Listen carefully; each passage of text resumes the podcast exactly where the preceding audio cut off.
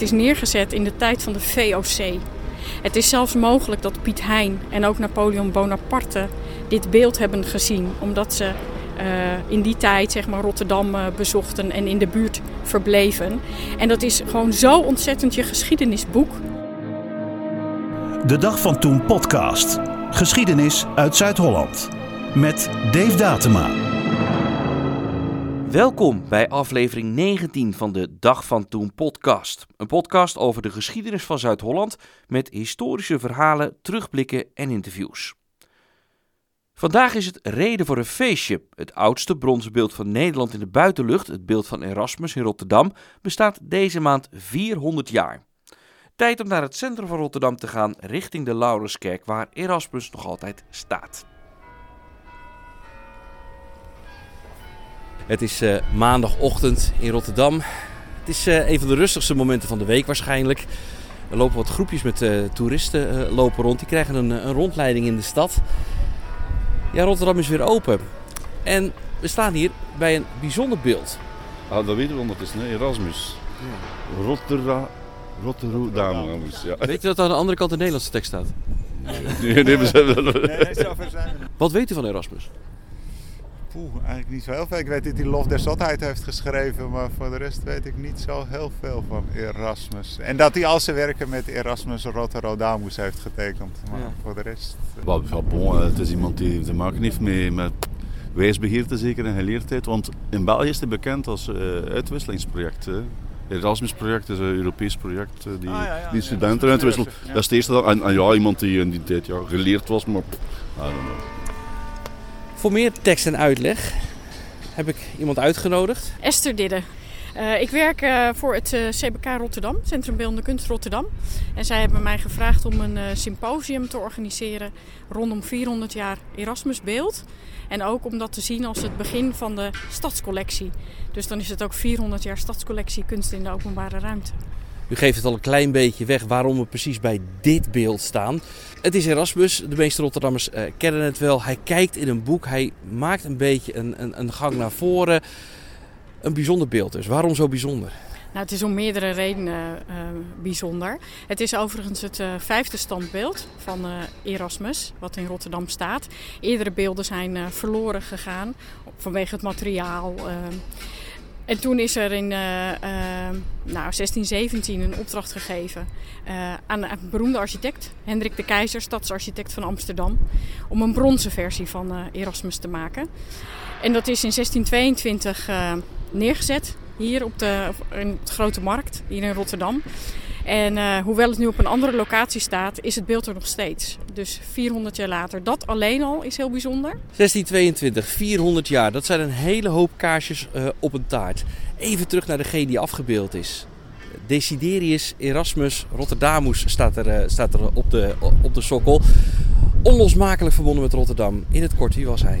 Erasmus is een Nederlandse filosoof humanist eigenlijk uh, vooral. Zijn geboortejaar weten we niet eens uh, exact. Er wordt uh, gegokt op 28 oktober 1466, 67 of 69. Um, het is zo dat hij is in Rotterdam geboren, in de Weidesteeg. Maar heeft hier wel maar drie jaar gewoond. Hij heeft zelf die van Rotterdamus aan zijn naam gekoppeld. Hij heet eigenlijk Geert Geertsema trouwens. Dat is wel heel wat anders, hè? Dat is heel iets anders. Dus hij, hij heeft altijd een gevoel gehad voor uh, nou, hoe hij zichzelf uh, uh, kon neerzetten, kon profileren. Heeft hij altijd veel gevoel voor gehad. Deze naam klinkt natuurlijk als een klok. Um, maar hij is op een of andere manier altijd heel erg aan Rotterdam verbonden. Ik denk ook vanwege zijn denken en zijn mentaliteit. Hij heeft heel veel gereisd. Dat past natuurlijk ook bij een havenstad. en doordat hij zelf die link heeft gemaakt. Maar uiteindelijk is hij hier niet zo heel veel geweest. Ja, maar hoe groot was hij in Europa eigenlijk? En ja, heel groot. Hij was een van de grootste geleerden in zijn tijd. Toen al. En dan overlijdt hij uiteindelijk in de, uh, in de 16e eeuw. Komt er dan al meteen een standbeeld voor hem? Nee, er kwam niet meteen uh, een, een beeld. Al was er wel behoefte aan om op een bepaalde manier hem te eren. Er is een, uh, een beeld bijvoorbeeld gemaakt in 1549. Voor de komst van prins Philip hier naar, naar Rotterdam. En dat was van hout. En dat was zo grappig. Het was hol van binnen. En daarin zat een kindje, een jongetje. En als prins Philips toen hij Rotterdam bezocht, werd er vanuit het houten beeld een gedicht voorgedragen voor de prins. Er zijn vijf beelden geweest. Die zullen niet allemaal een prettige geschiedenis hebben gehad. Nee, er is ook een uh, versie door de Spanjaarden in de Maas uh, gegooid. Um, Waarom deden ze dat? Hadden ze iets tegen Erasmus? Nou, sowieso was Erasmus niet alleen maar uh, geliefd. Dat had ook te maken met zijn breuk, uh, met uh, zo'n controverse met Luther, laat ik het maar zo zeggen. Erasmus heeft nooit helemaal met de katholieke kerk willen breken. Maar had wel heel veel kritiek op de vertalingen van de katholieke kerk, van de Bijbel. Ja. Wanneer komt dan op een gegeven moment de roep om een blijvend beeld, een bronzen beeld? Wanneer ontstaat dat? Nou, dat uh, ontstaat nadat zeg maar, het houten beeld is vergaan. Was altijd al uh, bedoeld hè, voor, voor, tijdelijk, voor tijdelijk te zijn. Maar de roep hier van de inwoners in Rotterdam is toch dat ze een beeld van Erasmus erg op prijs zouden stellen.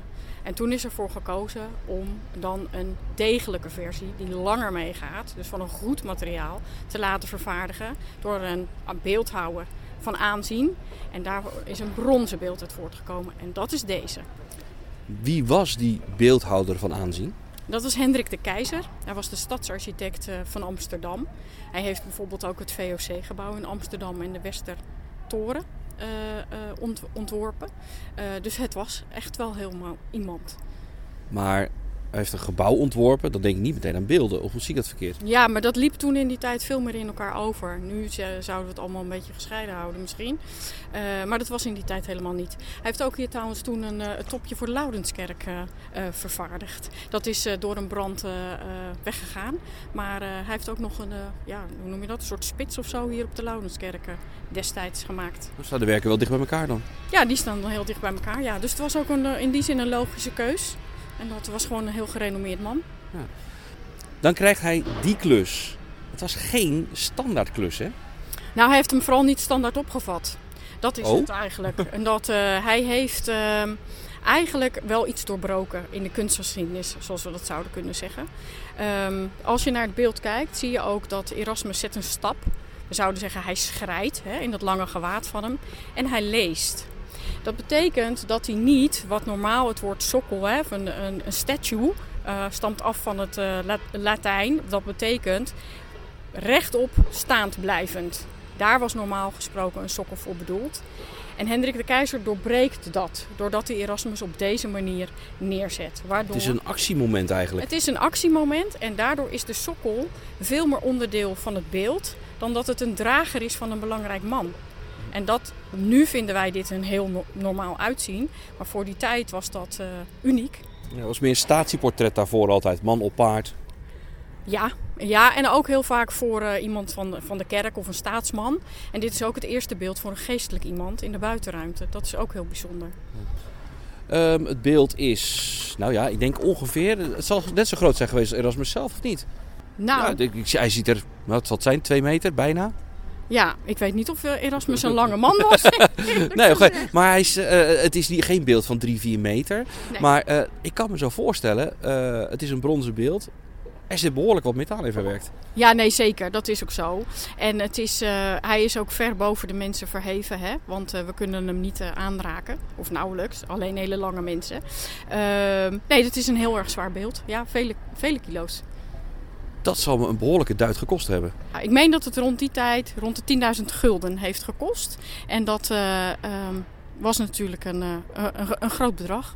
Immens als je dat naar huidige maatstaven gaat omrekenen. Ja, immens. Uh, en ook het Rotterdam van toen had circa 30.000 inwoners. En dat was toen wel ook al een enorme stad.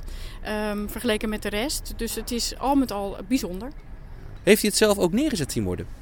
Nee, want uh, Hendrik de Keizer is in 1621 overleden. Een jaar voordat het. Uh, zij heeft het nog afgeleverd bij de bronsschieter, zou je kunnen zeggen. Uh, en daarna heeft hij het werk voltooid. Hoe zag het er eigenlijk uit toen het werd opgeleverd? Nou, niet zoals we het nu kunnen aanschouwen. Maar het is wel heel moeilijk om die vertaling toch in je hoofd soort terug te maken. Maar het was veel glimmender. In de loop der eeuwen zijn de nou ja, onderhoudstechnieken voor hoe je met brons in de openbare ruimte om moet gaan erg veranderd. En dat heeft wel invloed gehad op hoe het beeld uh, eruit ziet. Het was vroeger dus heel glimmend. En een beetje dat groene van dat, dat, zo'n typisch bronzen beeld. Had het die kleur ook of had het dan meer wel dat bruinachtig? Nee, het had ook wel dat groen en dat zie je er trouwens nog wel doorheen. Daaraan kan je een beetje de tand des tijds zien. Stond het beeld ook... Is het ook daar waar, waar het nu staat, zo pal voor de Lauderskerk, is het ook echt op die plek ook onthuld destijds? Nee, het is, uh, nou, het is trouwens niet officieel onthuld hoor. Het is uh, gewoon... Uh, Neergezet? Ja, 30 april 1622. Bam, een beeld, alsjeblieft. ja, zoiets. Geen, we hebben nog gezocht zeg maar, naar echt een specifieke tijd waarop het is onthuld. Omdat we daar dan misschien een leuke actie omheen konden doen. Maar dat hebben we niet kunnen vinden. Het is gewoon neergezet. Maar was het wel daar? Nee, het was op de Grote Markt. En dat ligt hier hoe ver vandaan? Nou, het ligt richting de Markthal. En waarom staat het nu hier? Uh, ja, dat heeft eigenlijk te maken met de oorlog. Uh, het is uh, de omgeving uh, van het Erasmusbeeld destijds is in mei 1940 gebombardeerd. Wonder boven wonder is het beeld vier overeind blijven staan. Daarna is het wel hals over kop uh, in de binnentuin van uh, Museum Boymond van Beuningen onder allemaal zandzakken uh, verstopt. Omdat ze niet wilden dat de Duitse bezetters zeg maar het beeld alsnog zouden vinden. Daarna heeft het een tijdje op de Koolsingel gestaan. En daarna is men op zoek gegaan naar een andere plek waar het gewoon nou ja, nog tientallen jaren, hopelijk eeuwen, zou kunnen blijven staan. En toen kwamen ze hier uit. Heeft het beeld dan nog de laatste jaren meer gekke dingen meegemaakt? In 1996 um, troffen voorbijgangers ochtends vroeg Erasmus echt gevallen van zijn, uh, van zijn sokkel met zijn neus in de grond, uh, grond aan.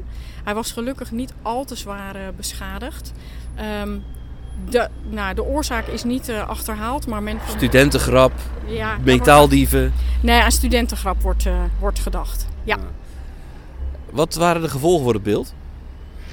Nou, dat hij uh, uh, toch een gedurende uh, een paar maanden niet te zien was en is gerestaureerd. Maar is wonder boven wonder eigenlijk heel goed gerestaureerd. De schade viel heel erg mee. Het levert wel iconisch beeldmateriaal op. We lopen er nu omheen. Onder het kenmerkende bruine bordje van de ANWB over het standbeeld. Daarboven een grijze sokkel met in goudkleur de tekst aan de ene kant in het Nederlands, aan de andere kant in het Latijn. Ik zou helemaal niet zeggen dat dit 400 jaar oud is. Ja, nou dat heb je goed gezien, want het is ook niet zo. Dit, uh, deze sokkel is uit 1964. De oorspronkelijke sokkel die is uh, in 1964 naar het Erasmiaanse gymnasium gegaan. Um, daar heeft hij eigenlijk altijd al die tijd in de buitenruimte verbleven. En in 2018 is hij onderdeel geworden van een uh, kunstwerk van Katrin Schlegel. En dat is aan de Erasmus Universiteit in Rotterdam. Daar staat dat kunstwerk. En toen heeft die oorspronkelijke sokkel eigenlijk een uh, beschermde glazen koepel gekregen. Na al die eeuwen buitenruimte staat er nu een koepel overheen. De, deze sokkel is dus bijna 60 jaar oud. Ja. 64 dus... 1964, uh, ja. ja. Is, hier, is hier nog iets bijzonders aan? Is op de oorspronkelijke sokkel ook dat uh, verschillende talen erop staan? Nou, dat, dat, als ik die oude sokkel zie, dan kan ik dat er niet meer uit uh, herleiden. Dus dat durf ik niet te zeggen. Uh, dat zie je op die oude sokkel niet meer terug. Mm-hmm. Het is wel zo dat op die vorige sokkel is een paar keer zijn geboortejaar aangepast. Omdat daar zoveel onduidelijkheid over is. En op een gegeven moment dacht men, nee, we zijn eruit, het is 1466. Uh, en toen werd het toch uiteindelijk, de meest waarschijnlijke laatste theorie is 1469. Maar uiteindelijk weten we het niet echt. We hebben het er al over. Het beeld is 400 jaar oud. Ja. Hoe bijzonder is dat? Nou, dat is ongelooflijk bijzonder. Het is het oudste standbeeld uh, uh, van Nederland uh, in brons. Daarnaast is het natuurlijk ook de eerste die is voor een, voor een denker, hè, zou je kunnen zeggen. en dat is uniek. Um, en ja, ik kan alleen maar zeggen dat ik hoop dat het, dat het gewoon nog een eeuw mee mag gaan. Dan, dan blijven wij het niet zien. Maar als je bedenkt wat dit beeld allerlei verschillende Nederlanden ook heeft meegemaakt. Het is neergezet in de tijd van de VOC. Het is zelfs mogelijk dat Piet Hein en ook Napoleon Bonaparte dit beeld hebben gezien, omdat ze uh, in die tijd zeg maar, Rotterdam uh, bezochten en in de buurt verbleven. En dat is gewoon zo ontzettend je geschiedenisboek. Je kan het je bijna niet meer voorstellen. En wij kijken naar hetzelfde beeld, wat ook misschien Piet Hein of Napoleon of en alle andere prominente mensen in onze rijke geschiedenis hebben gezien. En dat idee alleen al vind ik onvoorstelbaar, ongelooflijk en heel erg bijzonder. Wat doet Rotterdam eigenlijk met het jubileum? Ja, er is op uh, vrijdag 29 april in de Laurenskerk een, uh, een symposium over dit beeld. 400 jaar Erasmusbeeld. En ook gaan we het hebben over de toekomst van standbeelden. Ehm, er komen prominente sprekers. Er wordt verteld over Erasmus natuurlijk. Uh, de geschiedenis van dit beeld wordt door uh, iemand van het Rijksmuseum uh, verteld. En we kijken ook naar de huidige stadscollectie van Rotterdam. En hoeveel andere uitingen van Erasmus daar wel niet in te vinden zijn. U zegt zelf, we gaan daar denken over de toekomst van standbeelden. Nou, er is nog niet eens zo heel erg lang geleden dat uh, standbeelden, bijvoorbeeld zoals uh, voor, uh, voor Piet Hein, die hier in Delfshaven staat, ontzettend onderdeel van een, van een heel roerig debat zijn geworden. Omdat ze worden vereerd en op een sokkel ge geheven, boven de mens gesteld, terwijl ze hebben een, geen fraaie verleden, wantoestanden tegen de menselijkheid. Ehm, daar wordt nu heel erg anders over gedacht. Dus ze staan erg ter discussie. Um, in Amerika en Engeland worden zelfs beelden omgetrokken. Ja, precies. En hier zijn ze beklad. En dan is het de vraag van ga je, ga je het uitleggen? Laat je die beelden onderdeel zijn van je geschiedenis? En um, die geschiedenis verandert, hè? onze perceptie op de geschiedenis verandert. En gaan we dat verhaal vertellen? En hoe kan je nou op een goede manier hier in de toekomst wel mee omgaan? Zegt Esther Dinnen van het Centrum Beeldende Kunst Rotterdam. Het symposium over 400 jaar het Erasmusbeeld bij de Lauderskerk in Rotterdam is op 29 april bij de Lauderskerk zelf. Kaarten zijn te verkrijgen via de website van het CBK, cbkrotterdam.nl. Een link naar die pagina staat ook in de show notes. Uit de oude doos. In de rubriek Uit den oude doos elke week oud materiaal van openbeelden.nl. Maar om op die website te komen heb je een computer nodig, een tablet of een smartphone. En dat internet, of beter gezegd een computer, was 40 jaar geleden nog absolute toekomstmuziek voor de meeste Nederlanders. Daarom was de uitvinding van de computer ook een tentoonstelling waard. We gaan naar Den Haag, het Museum van Onderwijs in 1979. De ontwikkeling van telraam via rekenliniaal en rekenmachine naar de computer is te zien op de tentoonstelling Mens en Computer in het Museum voor het Onderwijs in Den Haag. Hier worden onder andere leerlingen van scholen vertrouwd gemaakt met de werking van deze elektronische apparatuur die uit het moderne leven niet meer is weg te denken. Ook de veelbesproken chip is er te zien, de microcomputer die in allerlei apparaten kan worden ingebouwd en waarmee de automatisering in de industrie bijvoorbeeld aanzienlijk kan worden versneld. Men zegt dat de chip ons leven ingrijpend zal wijzigen en wellicht de werkeloosheid zal doen toenemen. Feit is in ieder geval dat dit kleine apparaatje precies zoveel mogelijkheden bezit als vroeger deze totale apparatuur. Op de tentoonstelling leren kinderen van het basisonderwijs met behulp van een groot model van een speelgoedcomputer hoe zo'n apparaat een programma afwerkt.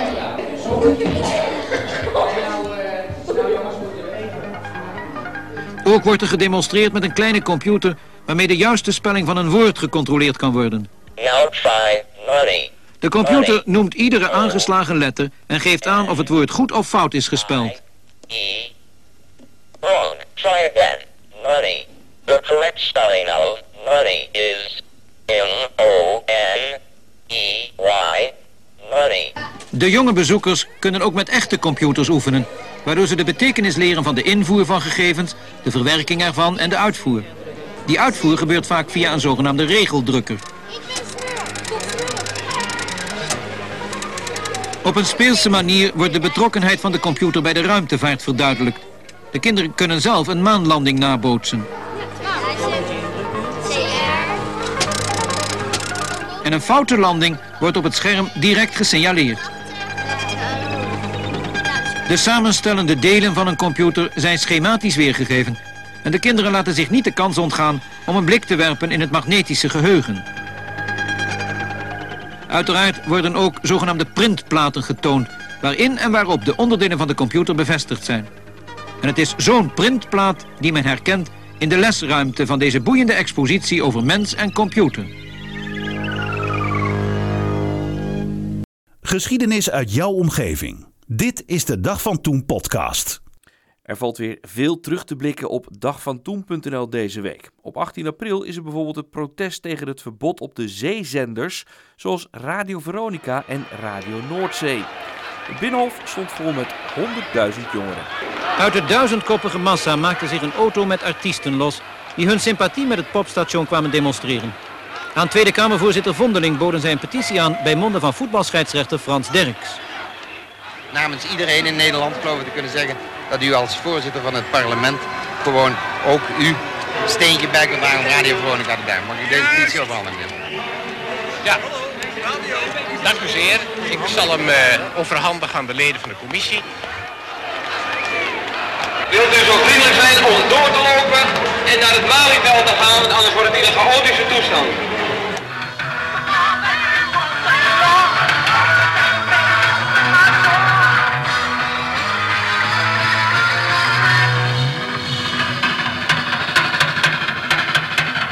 Zo verliep een bewogen dag in het leven van tienduizenden Veronica-aanhangers... wier hartewens op de hoorzitting onder andere onder woorden werd gebracht... door zangeres Corrie, vroeger van de Rekels. Daarom vraag ik u één ding. Laat Veronica blijven. Voor u, voor mij en voor het hele Nederlandse volk. De beslissing is nu aan het parlement.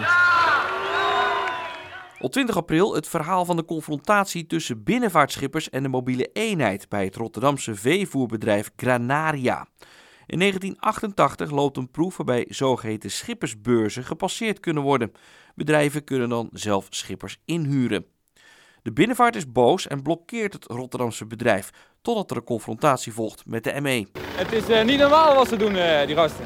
Ze denken dat we criminelen zijn. Je hebt een waterstraal op je gericht gekregen? Ja, ja inderdaad. Op het ogenblik probeert er zo weer aan te leggen. Er worden allemaal stokken op de boot gegooid. Hij ramt nu de boot, de duwbak. De waterstraal wordt nu vol op de actievoerende schippers. Hij drukt er tegenaan, hè? Gezet. Het is nu een gigantische chaos. We moeten nu van de boot af. We zijn op het ogenblik doornat. En daar is de ME. Die op het ogenblik over de duwbakken heen aan het lopen is. En die probeert een actievoerder te slaan.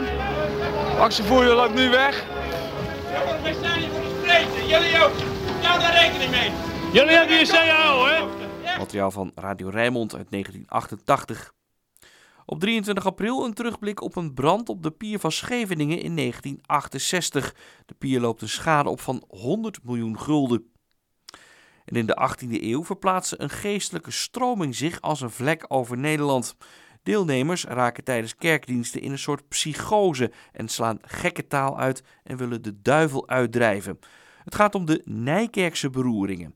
In april 1752 komt die stroming ook aan in onze regio. Een opmerkelijke terugblik. En dat is allemaal terug te vinden op dagvantoen.nl. Historische verhalen uit heel Zuid-Holland. Van de Bollenstreek tot aan Rotterdam.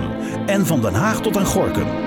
www.dagvantoen.nl zover de negentiende aflevering van de Dag van Toen podcast. De volgende aflevering is over een paar weken, want met de meivakantie ligt het terugblikken even stil. Je kan in de komende periode natuurlijk ook terugluisteren naar de vorige afleveringen. Die zijn allemaal terug te vinden op de website of in de aanbieder van je podcast. Over een paar weken zijn we er weer. Tot dan.